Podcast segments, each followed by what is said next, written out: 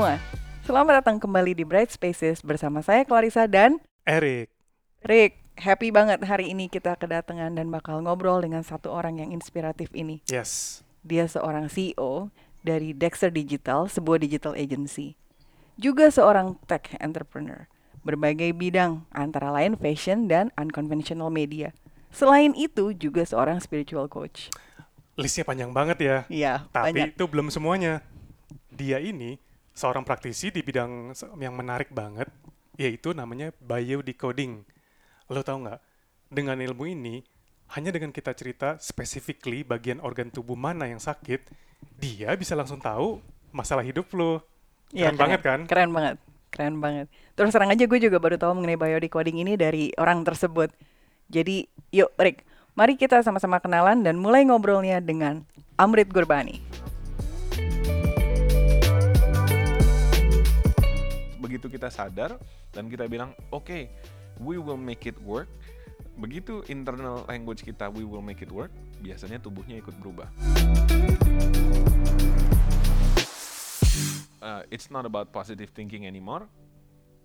It's about understanding why it's not happening dan kemudian choosing do you want it to happen or not? Hai Amrit, terima kasih udah hadir. Hi guys thank you for having me Bro, sebenarnya gue sini sangat amazed melihat kesibukan lu belakangan ini. Jadi, lu menyebut diri lu sendiri apa ya? Uh, I'm an explorer. Ya, gue emang suka uh, cari tahu mengenai hal-hal baru uh, dan uh, it's important semua yang gue cari tahu I always complete what I start. Jadi nggak cuman cicip sini cicip sana, Mm. tapi memang um, gue emang suka belajar hal-hal baru, terutama Oke. mengenai hidup. Uh, banyak pertanyaan mengenai kenapa orang uh, sakit, uh, kenapa orang ada yang hoki mulu, ada yang kayaknya nasibnya not so good gitu. Hmm, Uh, mencoba memahami how life works. Dan sekarang ini gue bisa bilang bahwa uh, gue cukup nyaman uh, hidup karena kurang lebih dinamikanya kayaknya udah dapet gitu. hmm. Uh, kurang lebih uh, gue ada understanding uh, how life works for me at least. Oke. Gue nggak bisa bilang itu untuk semua orang, Iya, tapi iya. basically maybe uh, gue bisa bilang personally uh, life has become a lot clearer for me. Oke. Nah, dari sekian banyak topik gitu ya, ada satu nih yang yang tadi yang Risa sudah sempat mention di awal, yang gua rasa cukup penting uh, karena sudah mengalami sendiri akibat negatifnya dari hal ini kalau kita nggak pinter-pinter me- memanage our emotion. Ini lebih hubungan antara the mind, body, and soul, yaitu adalah biodecoding. Yap. Kan, uh, so, kenapa penting? Karena selama ini gua merasa hal ini satu ini tidak terlalu populer karena jarang ngelihat di berita mainstream even di sosial media pun Betul. hampir hampir nggak pernah baca jadi di sini eh, gue dan Clarissa pengen banget nih belajar lebih dalam lagi tentang tentang biodecoding dari sumbernya langsung Biodecoding. Jadi awalnya um, mungkin sekitar 8 tahun yang lalu gue mulai belajar meditasi uh, dan Oke. mulai belajar uh, esoteric things lah. Uh, spirituality, energy, um, Coba, boleh dijelasin nggak esoterik tuh Oke. apa artinya esoterik itu berarti uh, sebenarnya hal-hal uh, esoterik apa ya? esoterik itu uh, hal-hal yang uh, berurusan dengan the things that we cannot uh, touch, we cannot uh, Lihat. see, but we can feel lah. ya kan? Mhm, oke Uh, mungkin tools untuk memahami hal-hal ini terbatas ya kan Eh, tapi jelas kita merasakan sesuatu uh, dan hampir semua orang yang uh, belajar ilmu mengenai energi mengenai spirituality Mm-mm. melihat benefitnya di dalam hidup mereka. Um, dan perubahannya biasanya drastis. So belajar itu awalnya karena ibu sakit ya, ibu kanker dan aku mulai belajar healing healing uh, modality berbagai Mhm. macam healing belajar uh, uh, ilmu seperti misalnya seperti uh, prana atau um, quantum healing uh, berbagai macam metode menggunakan energi Um, setiap kali healing dengan ibu dulu uh, ibu akan feel better, bisa tidur dengan less atau no painkiller, uh, tapi kankernya tidak hilang. Oke. Uh, Iya. dan kemudian menemukanlah biodecoding ini yang uh, menurut gue waktu itu it, it was different ya kan Uh, dan daftar tapi pas daftar ibu meninggal Oh, oke. Uh, dan so setelah belajar decoding itu uh, il- ilmu ini udah membantu banyak orang lain uh, get well from cancer lah. Uh, kita sudah melihat banyak uh, orang-orang yang diajak sesi decoding itu melalui remission bisa sehat kembali dan mereka bukannya tidak berobat mereka tetap kemo Hmm. tapi yang seperti yang kita tahu kanker itu sering kembali jadi sangat Iya. penting gimana kita bisa membantu orang supaya kankernya tidak kembali sekali terapi eh, sel- selesai harapannya Oke. itu. Nah di coding itu sebenarnya sebuah ilmu yang sudah ada sudah lama dari tahun mungkin sekitar 1970-an 70-an akhir seorang dokter internis eh, bernama Hammer dari eh, Jerman eh, dia eh, kena cancer eh, dia mengalami cancer testikular eh, dan kemudian dia tidak ingin eh, waktu itu dia tidak ingin berobat yang konvensional Mm-mm. karena kemoterapi zaman dulu kan masih keras sekali Iya. Uh, jadi dia berusaha mencari jalan keluar untuk dirinya. Dan yang dilakukan adalah dia mulai interview pasien-pasien di rumah sakit tempat dia kerja uh, yang juga uh, melalui cancer um, dan dia menemukan uh, commonality. Dia menemukan ada benang merah uh, dan dia menyadari bahwa ternyata uh, kanker dia, kanker testikular uh, itu berurusan dengan uh, trauma dia kehilangan anaknya. Berarti ada sebuah situasi kehidupan. Iya. Jadi anaknya kebetulan eh, meninggal tidak wajar, jadi eh, itu mungkin shock dia. Eh, anaknya eh, kalau nggak salah ketembak mati, Em, dan dia melalui trauma itu dan ternyata setelah dia belajar dari pasien-pasien, eh, dia melihat trauma itulah yang menyebabkan testicular cancer. Dan ketika dia bisa reconcile dengan dirinya sendiri, em, kansernya hilang Oke. dan di situ dia mulai menyebarkan ilmu ini. Of course kalau kita baca di uh, Wikipedia ceritanya mengenai Hammer mungkin sedikit berbeda di Iya. Wikipedia Hmm. Uh, karena memang uh, yang dilihat adalah kontroversinya. Iya. Tapi yang yang yang gue lihat adalah um, ilmu ini sekarang dari dari tahun 70-an sampai sekarang sudah berkembang banyak praktisi uh, sharing-sharing informal mungkin membuat kelas juga kecil-kecil Hmm. um, ilmu ini sudah menjadi segitu elaborate-nya sehingga kita sudah mulai memahami bukan cuman uh, uh, testikular saja tapi uh, the whole human body uh, organ apa pun itu punya uh, link dengan emosi kita dengan trauma-trauma tertentu dan itulah sebenarnya prinsip di balik biodecoding jadi um, sekarang gue melihat meditasi, energi, eh, spirituality semua itu uh, bisa menjadi lebih terarah karena kalau kita lagi sakit tertentu kita tahu problemnya apa, maka kita bisa menggunakan spirituality uh, dengan dengan fokus tertentu Iya. karena kita tahu gitu kan. Jadi misalnya testikular itu urusannya dengan kehilangan anak atau mungkin um, misalnya katakanlah um, orang yang diabetes itu berarti dia sedang mengalami masalah lain dia bisa fokus uh, mengubah pola pikir uh, meng uh, mereconcile dirinya sendiri uh, menghandle trauma yang sudah uh, dilalui dengan chat dengan channel atau dengan tool lain gitu. Oke, jadi ilmu ini apa mengupas ada hubungannya antara organ manusia tertentu dengan spesifik Ya. kejadian di hidup atau kayak Ya. gimana tuh? Jadi biodecoding itu sebenarnya adalah tool diagnostik yang sangat simpel untuk melihat oh kalau kita sakit A berarti kemungkinan uh, orang ini melalui uh, trauma uh, dengan tonality A Hmm. dan A-nya itu apa yaitu kita kita uh, kita kupas dalam sesi uh, sharing basically decoding itu adalah sesi one on one di mana kita ngobrol mengenai um, uh, hidup kita uh, kita melihat ke belakang uh, masa kecil kita seperti apa orang tua kita seperti apa dengan eh, saudara-saudara kita seperti apa di sekolah seperti apa, pacaran seperti apa, eh, Sedetil dan itu. seterusnya. Iya. Hmm. Dan di mana kita berusaha memahami em, konflik-konflik di dalam hidup kita yang membuat kita eh, memiliki kepribadian seperti sekarang. Hmm. Ya. Dan ada mungkin konflik-konflik yang membuat kita trauma sehingga kita sakit. Oke. Dan bisa juga traumanya dulu, sakitnya sekarang karena ada trigger baru yang muncul. Dan dengan mudah kalau kita memahami itu, em, kita bisa manage trauma itu, maka tubuh kita juga bisa rileks kembali dan eh, kembali normal.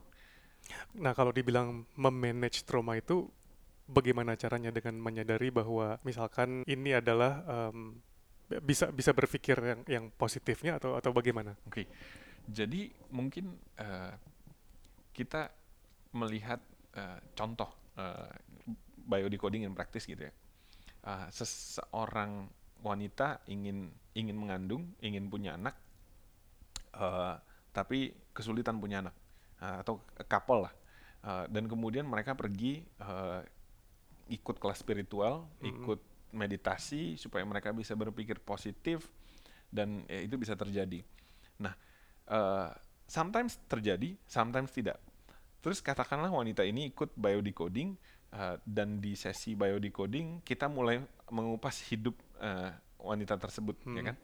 Di mana kita mulai melihat em, keadaan di rumah gimana sih? Kalau dirimu punya anak, anak itu kira-kira akan mendapat perhatian yang cukup nggak sih?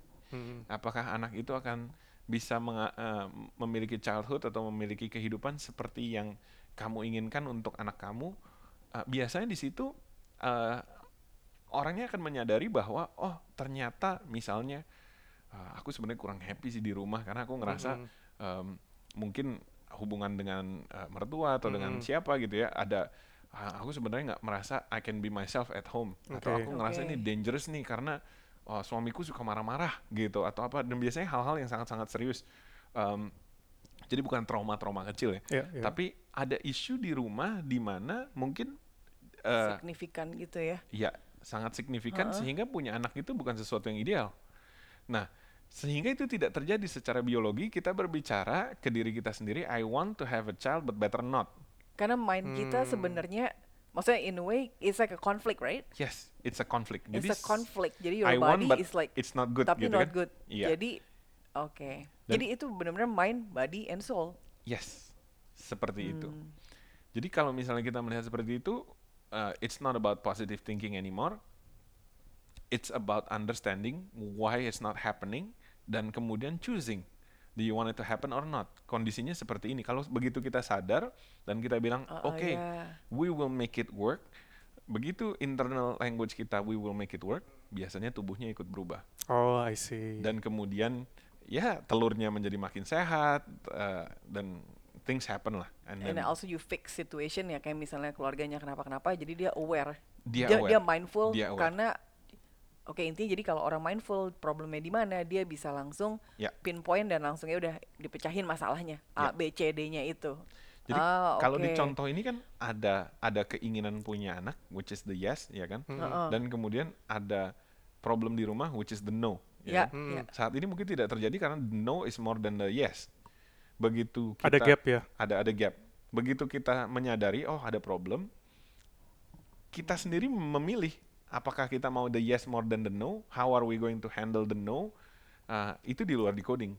That's life Mhm. gitu. Tapi at least kita memahami our situation. Jadi kayak kita main catur, we know where the pieces are, we decide how we want to move forward kan. Have a kid or not. Oke, dan untuk tahu bahwa itu problemnya atau bukan, berarti kan perlu ada proses seperti mengupas bawang, Yes. cari the root cause, Betul. akar masalah. Oh, ternyata ini masalah konflik antara harus punya anak atau enggak ya. Ya. Yang penting itu dideteksi dulu dan kemudian baru tahu bagaimana untuk mengatasinya kan ya. Misalkan Ya. ngobrol ke pasangan kita. Begitu bukan? Betul. Uh, jadi salah satu solusinya mungkin ngobrol dengan pasangan. Salah satu solusinya juga mungkin uh, kita yang berubah, kita yang menerima, kita yang ngalah. Mm-mm. Uh, jadi solusi banyak ya. Dan biasanya yang mencari solusi adalah uh, pasien decodingnya sendiri. Jadi kita Hmm. sebagai decoder tidak menawarkan solusi. Oke. Kita hanya uh, lay down the cards gitu kan on on the table supaya orang itu bisa menyadari oh kondisinya begini mereka eh, yang memiliki hak prerogatif untuk mem- Iya, memutuskan Iya, iya. how they want to proceed. What, Iya. how can I be happy? Karena kalau kita melihat hidup kan, uh, hidup itu selalu penuh konflik. Even the most basic thing, misalnya uh, kita bangun pagi karena kita harus kerja. Kita harus kerja karena kita harus menghidupi uh, keluarga. Mm-mm. Itu pun sebenarnya konflik. Tapi itu konflik yang tidak menyebabkan penyakit. Itu konflik yang kita terima. We're happy with that gitu kan. Bayangkan kalau kita tidak punya konflik, kita tidak punya kebutuhan, ya mungkin kita tidak bangun tidur lagi gitu. Itu Hmm. decoding jadi mengatakan bahwa life is a series of conflicts. Kita harus me- menyadari konflik-konflik kita dan yang mana ada di mana ada konflik yang membuat kita tidak sehat atau kurang sehat, maybe we make changes. Oke. Tapi ini juga bukan bukan psikologi dong yang pasti. Karena kan when you say bahwa ah, harus menyadari, be mindful dan kenapa sih problemnya ini root cause-nya ini mungkin masa lalu, masa kecil, problem di rumah, but this is not psychology. Kalau Right. kita bicara psikologi mungkin maybe it's a part of it ya kan. Oke. Um, kita melihat uh, mungkin kita melihat ilmu psikologi, ilmu hipnoterapi, ilmu NLP, semua ilmu-ilmu itu uh, bisa kepake lah untuk Hmm. membantu kita uh, ke menghadapi konflik kita uh, dan membuat hidup menjadi lebih baik. Kalau kita bicara decoding, maka decoding is just diagnosing the problem. Jadi science Oke. banget ya Iya, base-nya. Sangat memahami science. masalahnya apa. Bagaimana Oke. memecahkan masalah itu banyak jalan cara mem- Ah ya. ya. Ada Oke. orang yang mungkin ah, menggunakan uh, hmm. uh, psikologi, ada orang yang menggunakan hipnoterapi, ada orang yang menggunakan meditasi, Oke. ada orang yang mungkin sudah sadar dan oke, uh, I don't need anything. I I choose not to be stressed about that anymore karena ternyata Oke. stres l- menyebabkan penyakit yang membuat masalah lebih besar. Lebih baik tidak stres daripada sakit. Hmm.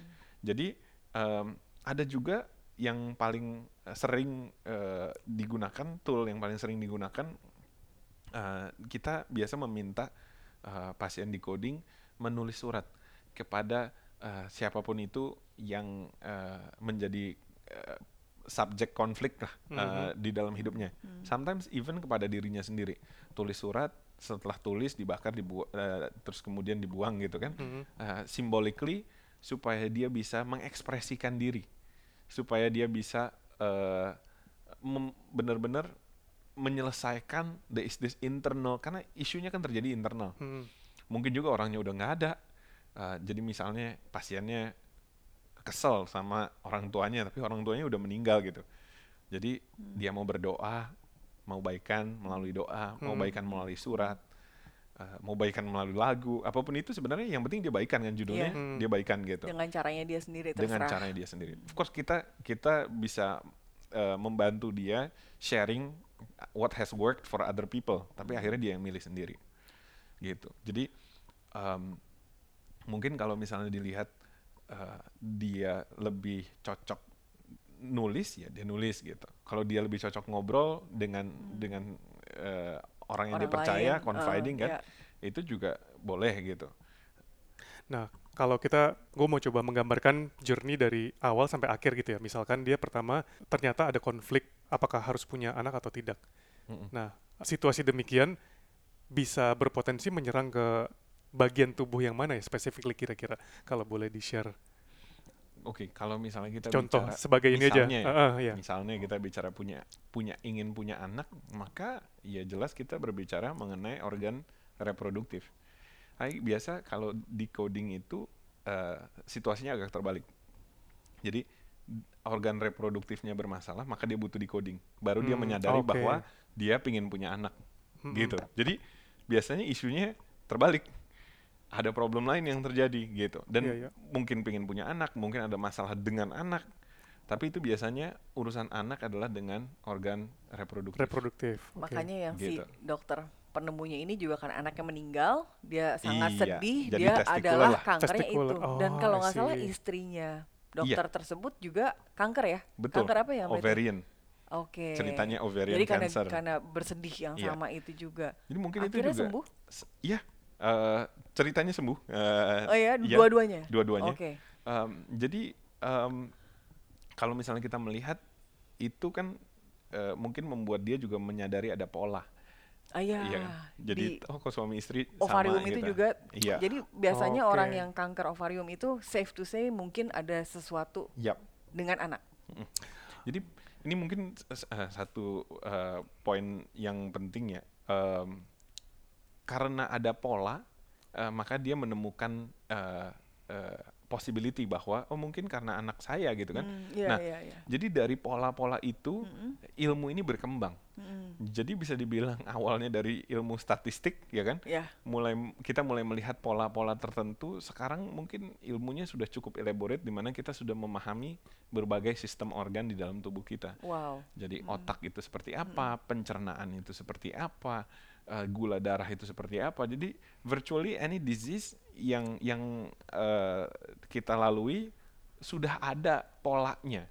Mm-mm. Sehingga ketika kita ngobrol dengan orang kita bu- bukan lagi menebak-nebak, tapi kita sudah kurang lebih memahami melalui ribuan kasus sebelumnya ya kan bahwa oh kalau dia sakit A maka polanya dia adalah A. Kalau dia sakit B Oke. polanya B. Dan emosinya apa kita bisa dalam waktu satu jam 90 menit maksimal dua jam ngobrol kita bisa membantu dia menyadari. Tapi Amrit untuk bertemu dengan seorang biodecoder, kita kan nggak bisa datang, bener nggak sih? Hanya membawa diri, tentunya harus ada data-data medis toh. Intinya ini scientific gitu, bukan bukan cuma curhat kemudian, Betul. right? Oke. Jadi mungkin satu poin penting mengenai biodecoding adalah bahwa biodecoding adalah ilmu complementary, eh, tapi bukan substitute untuk eh, hal hal medis atau treatment medis. Mm-mm. Jadi eh, kita selalu eh, mengatakan bahwa kalau eh, kamu mau decoding, eh, treatment dokter harus tetap berjalan. Oh Oke. ya. Jadi oke. itu itu pertama. Nah, setelah dia ke dokter dan kemudian dokter melakukan diagnosa, Mm, biasanya melalui tes darah atau X-ray atau CT scan apa pun Uh-uh. itu, eh, kita membaca eh, hasilnya untuk memahami apa yang sedang terjadi secara biologis, makanya namanya biodecoding karena ki- biologically kita mau decode, memahami apa yang sedang terjadi emotionally. Jadi kita Hmm. membantu dari sisi emosional dan dokter akan membantu dari sisi medis. Harapannya adalah satu treatment bisa eh, berjalan lebih lancar, kedua disease itu tidak datang kembali. Hmm. Jadi Oke. kalau betul eh, penyakit itu datang dari emosi, em, ya which is betul, tapi kalau Iya, betul iya. ya kan, maka eh, kalau emosi tidak berubah, penyakit akan berulang. Bisa relapse-nya itu Oke. begitu. Ya, dan kita melihat memang kebanyakan penyakit itu pertama akut terus kemudian menjadi kronis karena emosinya berulang-ulang gitu. Dan banyakkan apa medik oh, obat prescription, prescription drug itu hanya mengadres Ya. symptomsnya saja, Iya. bukan root cause-nya. Oleh karena itu sebenarnya belum sembuh-sembuh banget ya pasiennya. Ya. Mungkin ada satu fenomena satu fenomena kecil untuk untuk melihat ini, pola ini, eh, arguably bisa dibilang eh, oh itu kebetulan atau apa, Hmm. tapi kita melihat anak kecil, anak kecil itu sering batuk pilek. Ya kan? Ya. Sampai usia tertentu batuk pileknya hilang. Hmm. Ada yang tidak hilang. Nah, kalau kita bicara batuk pilek kan tenggorokan. Tenggorokan itu kan urusannya dengan komunikasi kan. Mm-mm. um, di mana kita melihat anak-anak itu terkadang kesulitan berekspresi kan, pengen coba A, pengen coba B, Oh, tapi oke. orang tuanya bilang nggak boleh atau ini dan eh, diomelin lah, di di di dipunish atau Mm-mm. apa, sehingga anak itu merasa you don't understand me, I need to communicate Oh, better. Oke. Nah, ketika I need to communicate better, berarti tenggorokannya mengalami eh, pembengkakan inflamasi karena lagi berusaha merepair diri. Dan itu terjadi sampai usia tertentu di mana anak-anak itu sudah mulai keluar rumah sama teman-teman, nggak lagi sama orang tua, eh, dan menemukan orang-orang yang lebih mengerti dia, Oke. dan batuk pilek itu hilang, I see. ya kan? Mungkin dari sisi medis kita melihat, oh paru-parunya sudah kuat, dia udah udah kena udah kena eh, debu, eh, eh, udah makan warteg dan segala macam ya, antibodinya sudah lengkap. Iya. Tapi kita melihat itu pola yang terjadi satu pola lah, di mana uh, me- bisa demonstrate Mm-mm. uh, konflik yang selesai, um, berarti penyakitnya juga akan Sudah selesai. selesai. Jadi konflik emosi itulah terus termanifest jadi an actual penyakit apa pun Betul, itu. betul. So uh, safe to say misalnya nih kita bisa bilang uh, kalau diabetes pasti nggak pastilah tapi uh, patternnya karena X. Kalau sakit jantung patternnya karena ini. Ya. Sakit semua every Ya. single organ itu pasti ada patternnya karena ABCD. Betul. Oh wow. Mungkin diabetes eh, contoh yang sangat menarik, Heeh. sangat menarik. Jadi mm, kita melihat orang yang eh, diabetes itu ibarat orang yang sedang pergi perang.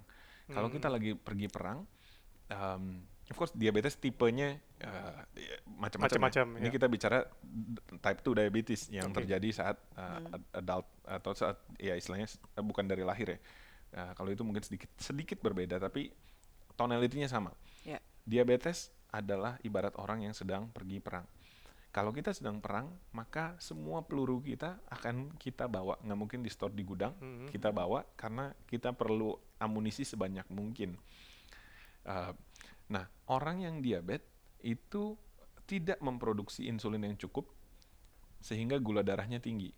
Nah, gula di otak kita, kita paham bahwa gula itu energi. Mm-mm. Contohnya orang kalau pingsan aja dikasih teh manis gitu kan. Ya. Kita tahu gula itu energi. Orang itu butuh energi yang tinggi di darah sehingga dia berhenti memproduksi insulin yang cukup supaya gula darahnya tinggi. Mm-mm. Kenapa? Supaya dia bisa combat. Nah, em, kalau kita melihat orang diabetes, biasanya ketika diajak ngobrol, kalimatnya diawali dengan kata tidak atau kata tapi. Jadi misalnya dia mau komen sesuatu, enggak, tapi Oh, wow. enggak, tapi nah Itu cukup evident ya Iya. kata-kata itu wala- biasanya. walaupun sebenarnya dia setuju dengan dengan poin kita, Hmm. enggak tapi enggak tapi Oh. ya. Uh, Interesting. Nah, Interesting. itu kita melihat pola defensif atau pola combat dan itulah uh, diabetes. Jadi kalau misalnya kita tanya, gampang nggak untuk menyembuhkan diabetes? Tergantung orangnya. I Kalau see. orangnya langsung menyadari ini dan make it a mindful habit Iya. untuk berhenti combat dan tahu combat-combat dia apa, maka yes, hampir uh, ha- hampir pasti gitu tubuh akan memproduksi insulin lagi, gitu. Wow, oke. Jadi memang usaha ini harus dari dalam diri sendiri Ah, ya. iya. Tapi meanwhile dia perlu mengkonsumsi obat-obatan, obat diabetes, maka dia perlu uh, um, continue to consume that. Yang bisa Oke. menyatakan dia sembuh dan dia tidak perlu minum obat lagi adalah dokter, bukan dirinya sendiri Iya. atau decoder itu Oh, sangat oh, penting. Oke, oke, ya. Iya. Nah, eh, statement barusan nih eh, sangat-sangat berhubungan dengan pertanyaan selanjutnya yang gue ingin tanyakan. Jadi ini di artikel di internet gitu ya, gue coba baca tentang biodecoding, mengatakan demikian.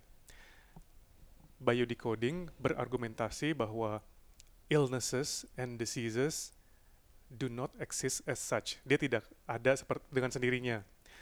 Mereka adalah biological survival programs that activate the brain. Sehingga si organisme ini beradaptasi, beradaptasi terhadap stres yang mereka rasakan uh, due to the conflict that every being suffer. Betul.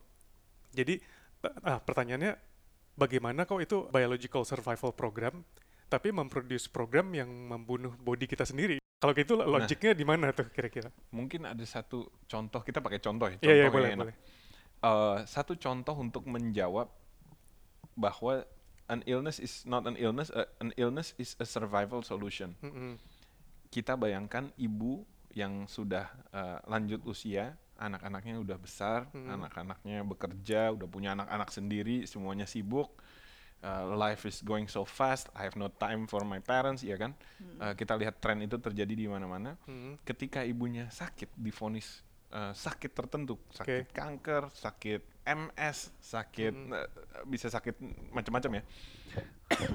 Suddenly ibu itu perlu ke eh, di dirawat di rumah sakit, semua anak-anaknya datang, semua cucu-cucunya Mhm. datang, dan ibunya happy karena keluarga berkumpul. Oke, Nah. mempertemukan ini. Yes. Jadi kan kalau dibilang ibunya mau sakit, enggak. Tapi ibunya rela nggak sakit supaya keluarganya bersatu? Probably yes. Tanpa Berarti disadari. subconsciously keinginan untuk uh, Berkumpul. sakit uh, itu Ber- diamini oleh ibunya. Yes. Karena itu mempertemukan keluarganya yang selama ini susah banget untuk eh, dipertemukan. Yes. Jadi tubuh kita, our body, kalau kita bicara sekarang our body ya, uh, our biology is our body kan. Our body adalah partner yang sangat-sangat baik, sangat-sangat pandai. Bahkan body ini bisa mengerti emosi kita yang ingin anak-anak kita ketemu dan mencari jalan keluar. Hmm, Dan this body creates a survival solution, jatuh sakit, terjadilah anak-anak berkumpul. Mungkin Oke. caranya bukan sesuatu yang kita inginkan atau kita anggap tidak ideal, tapi itulah our biology, simple, to the point, effective gitu. Uh, dan anak-anak berkumpul, keluarga berkumpul. Nah, kalau pola itu sudah terjadi, ibu itu punya pilihan. Mm. Kalau dia sadari ya. Ya, mana yang lebih penting? Dirinya sehat atau keluarganya berkumpul sesaat? Oke. Makanya tadi solusinya bukan dari decodernya, tapi Iya. simply decoder hanya memaparkan penyebabnya. Iya. Karena sometimes um, kita melihat juga hubungan suami istri di mana salah satu pasangannya sakit supaya tidak ditinggal oleh pasangannya atau Oke. mendapatkan perhatian. Eh, ini case yang Oh. kita anggap cukup tricky Hmm. karena ya memang dia mau sakit gitu. Enggak, gua nggak mau sakit, tapi mau sakit Mau gitu sakit, kan? ya. Iya. Bo- boleh tahu kalau kayak gitu biasanya larinya ke penyakit apa tuh Amrit? Kalau untuk itu Apakah ada yang spesifik gitu, misalnya longing untuk attention dari spouse atau Mm-mm. bisa terjadi eh, sebenarnya kalau kita bicara penyakit penyakitnya macam-macam. Karena kalau kita bicara seperti itu eh, problemnya apa gitu kan? Bisa problemnya related dengan eh, monetary eh, eh, yang apa kebutuhan moneter yang di provide oleh partnernya. Bisa juga kebutuhan Oh, emosional oke. bisa kebutuhan seksual bisa kebutuhan macam-macam jadi tetap banyak yang iya, nanti tetap ada organnya bedahan. beda. Iya, Ah, oke. oke. jadi eh, itu akan sangat-sangat spesifik. Tapi eh, separation conflict kita bisa bicara eh, in general separation Mm-mm. conflict itu biasa em, simpelnya kalau dalam skala kecil eh, adalah eh, menyangkut kulit atau menyangkut eh, sebenarnya eh, kita menyebutnya ectoderm lapisan Hmm. luar dari eh, eh, tubuh kita Hmm. atau organ-organ kita lapisan ectoderm jadi misalnya satu hal yang paling common em, dan ini eh, dulu eh, mungkin dari personal experience istriku sering alergi Mhm. Eh, dan kalau alergi gatal-gatal kulitnya, ya kan.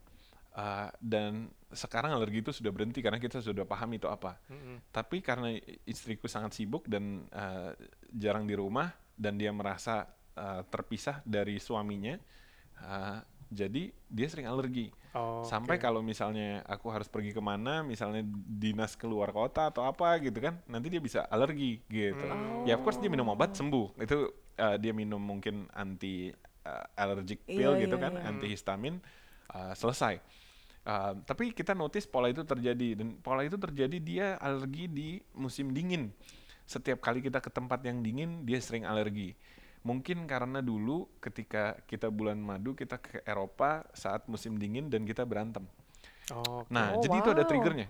Ke, Uh, ke record gitu ya? ke record. Dia nggak sadar sebenarnya waktu Jadi itu. kalau asin terlalu dingin dia suka alergi dulu. Hmm, Sekarang sudah Oke, tidak lagi. Iya, iya. Tapi itu kan sekarang kita bisa ketawa dan dan Iya, ya itu karena sesuatu lu yang lucu. sadar. Hmm, iya. Oke. Jadi em, kalau misalnya dia alergi, dia gatal-gatal, mungkin aku mau marah nggak jadi gitu kan. Hmm. Nah, jadi itu mungkin contoh yang simple. Tapi bi- bisa terjadi nih eh, kalau misalnya eh, eh, s- konflik itu kan konflik yang trivial ya, konflik yang kecil.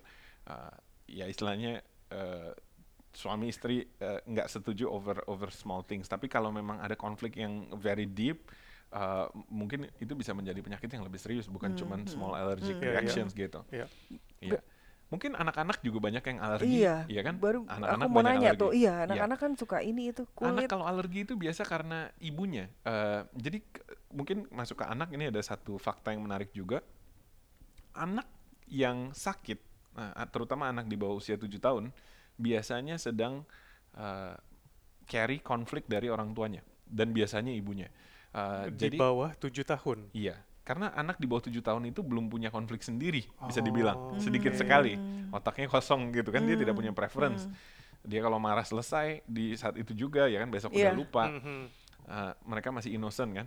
Jadi biasanya kalau mereka sakit itu lebih banyak konflik dari orang tuanya. Jadi kalau anak kecil yang alergi mungkin karena ibunya bekerja, mungkin karena ibunya bekerja, ibunya tidak bisa di rumah, ibunya yang sedih sebenarnya, tidak bisa main sama anaknya, Mhm. sehingga anaknya uh, Kena mungkin im- kena imbas kena kesedihan imbas. ibu. Jadi kulitnya mungkin uh, Tapi gimana Nah, iya. possible? Maksudnya mamanya yang ngerasa kok anaknya yang gatel-gatel gitu loh Amrit. Jadi kita melihat di decoding bahwa eh, ini ini satu hal yang mungkin se- belum sepenuhnya bisa dijelaskan dengan dengan medical science kita Mhm. saat ini bahwa konflik seseorang itu bisa diturunkan ke anaknya dan diturunkan ke keluarganya atau bahkan diturunkan ke orang-orang yang eh, hidup bersama. Jadi misalnya anaknya diadopsi, dia tetap bisa memiliki konflik I dari eh, orang tuanya. ibu aslinya ya kan? Ibu kandungnya bisa juga dari orang tua yang mengadopsi gitu. Karena emotionally kita connected ya kan? Emotionally kita punya hubungan dan what I feel you feel ya kan? Oh, oke. Eh, cara kita melihat eh, menilai sesuatu baik atau buruk pun serupa biasanya karena anak itu belajar belief system itu kan dari orang tuanya. Berarti apa boleh dikatakan si anak ini merasakan the pain uh, that the mother is experiencing? yes betul exactly Wow. atau juga bisa dikatakan we carry our uh, ancestors conflicts Hmm, Nah makanya sangat penting ketika belajar ini eh, kita eh, jadi aku dan istriku menyadari bahwa oh kalau begitu kita harus get eh, rid of our eh, conflicts yang tidak Conflicts. sehat. Eh, caranya gimana kita melihat kita sering sakit apa atau bagian tubuh mana yang kayaknya Hmm, sering oke. sakit atau ini dan kemudian kita kita overcome itu supaya anak kita tidak perlu melalui itu. Oke. Kalau penyakit yang kan orang suka bilang ini keturunan nih, ada keturunan Nah, untuk itu Betul. dia. penyakit A, penyakit B itu sebenarnya bukan dari DNA atau ap- apakah kayak tadi Amrit bilang Kalau kita lihat dari DNA, yes, maybe. Mm-mm. Tapi kan DNA itu eh, kita bicara biologi kita mengikuti in a way eh, emotional well-being kita kan. Kalau misalnya kita Iya. punya Oh, konflik, oke, oke. ya Iya. automatically biologinya seperti itu. Berarti misalnya contoh eh, kita ambil contoh pelari eh, Usain Bolt, Ya. Mhm. ya kan? Usain Bolt itu kita bicara hi- eh, hidup di negara yang memang kondisinya tidak aman, ya kan? Mhm. Sehingga dia punya that conflict bahwa life is dangerous, ya kan? Terus dia sudah punya benihnya itu, terus kemudian masa kecil dia dia suka dipukulin, ya kan? Eh, sama orang tuanya eh, sehingga atau dia sering get in trouble dan dan basically dipukul Mhm. sehingga dia perlu lari eh, maka dia sudah punya benih eh, prey atau mangsa dan kemudian dia dipukuli di childhood sehingga dia belajar lari akhirnya secara biologi dia bisa lari lebih cepat daripada Oh, kita Oke. gitu Hmm. jadi kita bisa bilang itu menurun yes itu ancestry dia gitu makanya dia bisa lari jauh lebih cepat daripada katakanlah Orang mungkin norm- pelari Eropa iya, gitu iya, kan iya. Ah, dan itu mungkin fenomena-fenomena di mana kita juga bisa melihat konflik itu bukan sesuatu yang buruk. It's just the natural way of life gitu. Tapi kalau konflik itu menjadi masalah, maka perlu Itulah kita yang menjadi tackle gitu. We choose what is uh, what we want to uh, retain and what we want to let go gitu. Berarti kan Hmm. sebenarnya mm, mungkin kalau orang bilang ada penyakit turunan sebenarnya nggak selalu dilihat uh, seperti itu ya. Betul. Uh, melainkan hanya ada penyakit yang didevelop sendiri oleh uh, that particular person Yap. dan tidak apa ya, tidak inherit dari family lineage-nya dia. Inherit pun dia bisa dia bisa memilih untuk tidak Mhm. Oh unsubscribe ya. serius bisa di bisa diputus tuh ceritanya suatu rantai. Of Iya. course. Oh Jadi iya? misalnya Dengan contoh, cara? eh, misalnya Heeh. keluarganya punya sejarah kolesterol, Ya. sehingga eh, dirinya punya konflik kolesterol, ya kan? Terjadilah kolesterol. Dia menyadari, dia belajar decoding atau dia melalui Mhm. sesi decoding. I choose not to engage in this behavior anymore. Selesai. So itu mindset banget dong ya. Gue decide gue mau begini atau terima kondisi ini, tidak terima kondisi itu. Betul. mindset. It's really mindset, mindset. Ya, mindset yang merubah cara hidup, ya, pola pikir, itu merubah tuh. Itu benar-benar punya direct akses ke organ kita, cara badan kita berfungsi, organ kita berfungsi. Yap. Wow. Misalnya contoh kita ambil contoh yang lebih praktikal, kita jangan masuk ke penyakit. Kita ambil contoh yang lebih praktikal, misalnya kita Iya. punya asumsi bahwa merokok itu tidak sehat, Mm-mm. ya kan? Bapaknya merokok, anaknya tumbuh melihat bapaknya merokok. Oh, anaknya juga pengen merokok gitu kan. Hmm. Generasi kedua masih merokok. Terus anaknya kemudian merasa, oh mungkin merokok nggak sehat buat saya, udah sih mau berhenti ya gitu. Dia Iya. berhenti. Nanti dia punya anak. Anaknya melihat bapaknya tidak merokok kan nggak ikutan. Berarti kan eh, peluang eh, sesuatu itu berlanjut itu kan tergantung dari kita. Apakah itu akan turun temurun ke bawah atau tidak? Habit apa pun sebenarnya. Bukan saja penyakit. Dan kalau habitnya menurun ya maka penyakitnya mengikuti kan. Oke, Gitu. ya ya. Iya kan? Mungkin satu prinsip kalau yang ini aku kebetulan belajar malah dari Eric. Eh, Gimana tuh? jadi eh, mungkin dulu eh, Eric pernah share mengenai equanimity kan, Eh, Iya, betul. melihat sesuatu itu eh, eh, bukan baik atau buruk gitu kan, tapi it's just the way it is gitu. Baik atau buruk kan penilaian kita. Mm-mm. Dan kalau kita bisa melihat things as just the way it is, tidak baik, tidak buruk, maka kita tidak akan punya konflik. Dan kemungkinan kita tidak punya penyakit. Gitu. Wah, Kalau oke. gitu, uh, is it bisa nggak sih dibilang Amrit? uh, kalau orang yang benar-benar udah tenang banget ya dalam hidupnya, dia bisa nerima uh, apa pun, mau itu good and bad, dia bisa terima juga dengan apalagi grateful terhadap semua itu. Mustinya kalau secara teori dia nggak ada penyakit dong, karena dia super santai gitu. Betul. Dan kalau kita melihat ke ke belakang, of course kita nggak tahu ceritanya how, Iya. how true, how accurate it was. Tapi nabi-nabi kita tidak punya penyakit. Hmm, Bener juga ya? Heeh. Iya. Iya iya. Dan mereka semua mengadopsi one way or another prinsip equanimity gitu, bahwa life is life gitu, Hmm, iya kan? Eh, it's not good, it's not bad iya gitu. iya. It's just the way it is. It's just the way Berarti it is. kesedihan juga cuma hari ini, besok belum tentu sedih. Betul. Kesusahan juga hari ini Betul. aja.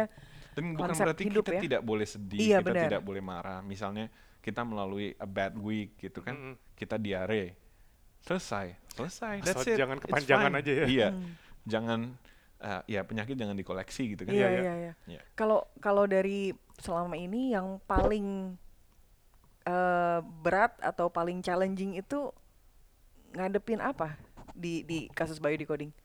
Kalau boleh tahu, kalau bisa di share. Mungkin kalau yang paling berat kalau untuk seorang decoder adalah eh, meng- meng- menghadapi dirinya sendiri ya. Jadi eh, kalau melihat eh, orang lain itu sangat mudah. Eh, tapi melihat diri sendiri itu yang paling sulit ya. Iya. Ah, Gajah di pelupuk mata itu Iya, tidak tampak kan. Eh, jadi gue sendiri eh, dulunya eh, kena sciatica. Sciatica itu adalah eh, saraf tulang belakang yang kejepit eh, dan kejepitnya itu saraf itu eh, all the way sampai ke sampai ke ujung jari kaki sehingga mau duduk sakit mau jalan sakit eh, dan untuk itu tidak ada obat jadi sciatica itu berarti kita either surgery which is nggak mungkin eh, Umur too umur berapa tuh waktu itu? Um, jadi pertama kali terjadi itu tahun 2009 pertama kali terjadi. Iya. Oke. Nah, uh, jadi ceritanya 2009 aku liburan ke pertama kali ke Eropa uh, sama teman-teman Mhm. uh, dan meninggalkan pekerjaan waktu itu lagi family business, jadi merasa nggak enak. Oke. Jadi I want to go, but I cannot go, Iya. ya kan? Konflik lagi. konflik. Jadi turun dari pesawat itu kakinya mulai sakit gitu kan. Oh, Jadi, nah, oke. Langsung ya? Seinstan itu. iya. Iya. Jadi kan orang bilang oh karena oh dirimu tinggi, eh, jadi harusnya stretching di pesawat, Hmm. jangan duduk diem, ekonomi harusnya naik kelas bisnis dan sebagainya. Tapi eh, itu terjadi setiap kali aku traveling. Dan paling parahnya terjadi ketika aku belajar decoding eh, masuk rumah sakit eh, sampai dibawa naik ambulans sekarang kakinya sudah tidak bisa nekuk lagi eh, dan mau dikasih morfin karena sakitnya udah segitunya udah sampai gemeteran Em, dan kemudian ketemu gu- guru di codingku istrinya gurunya di, guru di codingku dalam 15 menit hilang Uh, Wow. Ini ketemunya yes, di rumah sakit. Nggak, ketemunya setelah setelah dikasih painkiller balik ke kan kita ikut course gitu kan. Heeh. Ketika course eh, aku lagi duduk di mobil karena tidak bisa naik ke atas Iya. ikut course Em, dan uh, eh, istrinya instrukturku turun dia ngobrol. Jadi itu karena aku belajar di coding untuk ibu, ibu meninggal bulan Maret, belajar di coding kita di bulan April. Jadi Oh. aku ngerasa oke I'm here but this- buat- I- jadi iya, konflik lagi dengan mamanya udah, perjalanan ah, gitu iya, kan iya, udah terlanjur udah gitu. ada. Hmm. Dan ketika ngobrol itu dan malah eh, eh, aku waktu itu meninggalkan kantor yang mungkin things were eh, hectic gitu kan, meninggalkan bapak yang sekarang sendiri baru kehilangan ibu, Hmm. eh, meninggalkan partnerku yang waktu itu anaknya lagi sakit lagi di ICU, Oke. jadi banyak sekali yang ditinggal di rumah. Tapi itu polaku memang setiap kali pergi ada yang ditinggal ya nggak pergi salah, pergi juga salah, Mm-mm. intinya konflik kan. Hmm. Tapi konfliknya segitu parahnya sampai saraf. Dan eh, medically speaking ini tidak bisa hilang, tapi nyatanya hilang. Sampai sekarang udah nggak begitu mengetahui kenapa, Yes. then you know how to fix it, Yes. which is mindsetnya lagi. Mindsetnya lagi. Bahkan eh, minggu lalu aku baru ke Eropa, ya perjalanan Iya. yang sama, tidak berdiri oke. sedikit pun, tidak stretching Iya, sama sekali, iya. everything's fine. Karena tidak ada konflik lagi, cause I know when I'm going, I'm going gitu. All of me is going. I will be back, everything Oke, will be wow. okay. Iya, iya, everything will iya. be okay. Bahkan em, aku pernah eh, sekali terjadi eh, lagi ikut program meditasi eh, di Bogor eh, 10 hari tidak boleh Mm-mm. ngobrol, Vipassana. iya kan? Ya. Eh, jadi lagi tidur kakinya sakit Hmm. karena mungkin lagi introspeksi mikirin rumah Hmm. kambuh. Kepikiran. lagi. Yes. Dan pas Oke. sakit aku cuma ngobrol dengan dengan diriku sendiri Iya, yang bener lu gitu Iya. kan hilang Iya. Jadi udah tahu iya. bahwa karena memang di saat itu kita lagi 10 hari sedang introspeksi diri mungkin Hmm. banyak mikirin ngejudge diri sendiri Iya. eh, mel- mikirin kerjaan mikirin keluarga mikirin istri dan sebagainya iya kan Ini kayaknya all the garbage endapannya keluar Betul, semua ya. betul dan itu berarti ketika garbage-nya keluar penyakitnya Ikutan keluar Ikutan. juga. Oh my god. Tapi kamu sebenarnya diminta untuk operasi atau ada kalau waktu itu secara medis un- secara medis penyakit itu gimana tuh Amri? diminta untuk berenang untuk memperkuat otot tulang punggung supaya Uh-uh. not much pressure on the spine Heeh. Um, untuk dan minum painkiller kalau sakit surgery itu sangat risky sehingga dibilang di usia ini kalau surgery bahaya Hmm. lebih baik tidak lebih baik kalau memang masih bisa dihandle dengan cara lain dihandle dengan cara lain tapi sekarang sudah hilang Kesembuhan itu dilakukan tanpa obat, tanpa apa pun. Yes. Dan aku bukan yang bilang olahraga itu tidak penting, olahraga Oh sangat iya, penting. iya, tapi iya. kebetulan aku tidak olahraga sama sekali. Jadi bukan itu kredit untuk kesembuhan ya. bukan. Bahkan Jadi eh, ini bagi yang males olahraga tapi jangan senang dulu ya. Eh, bagi yang malas olahraga jangan punya konflik. Jangan punya konflik.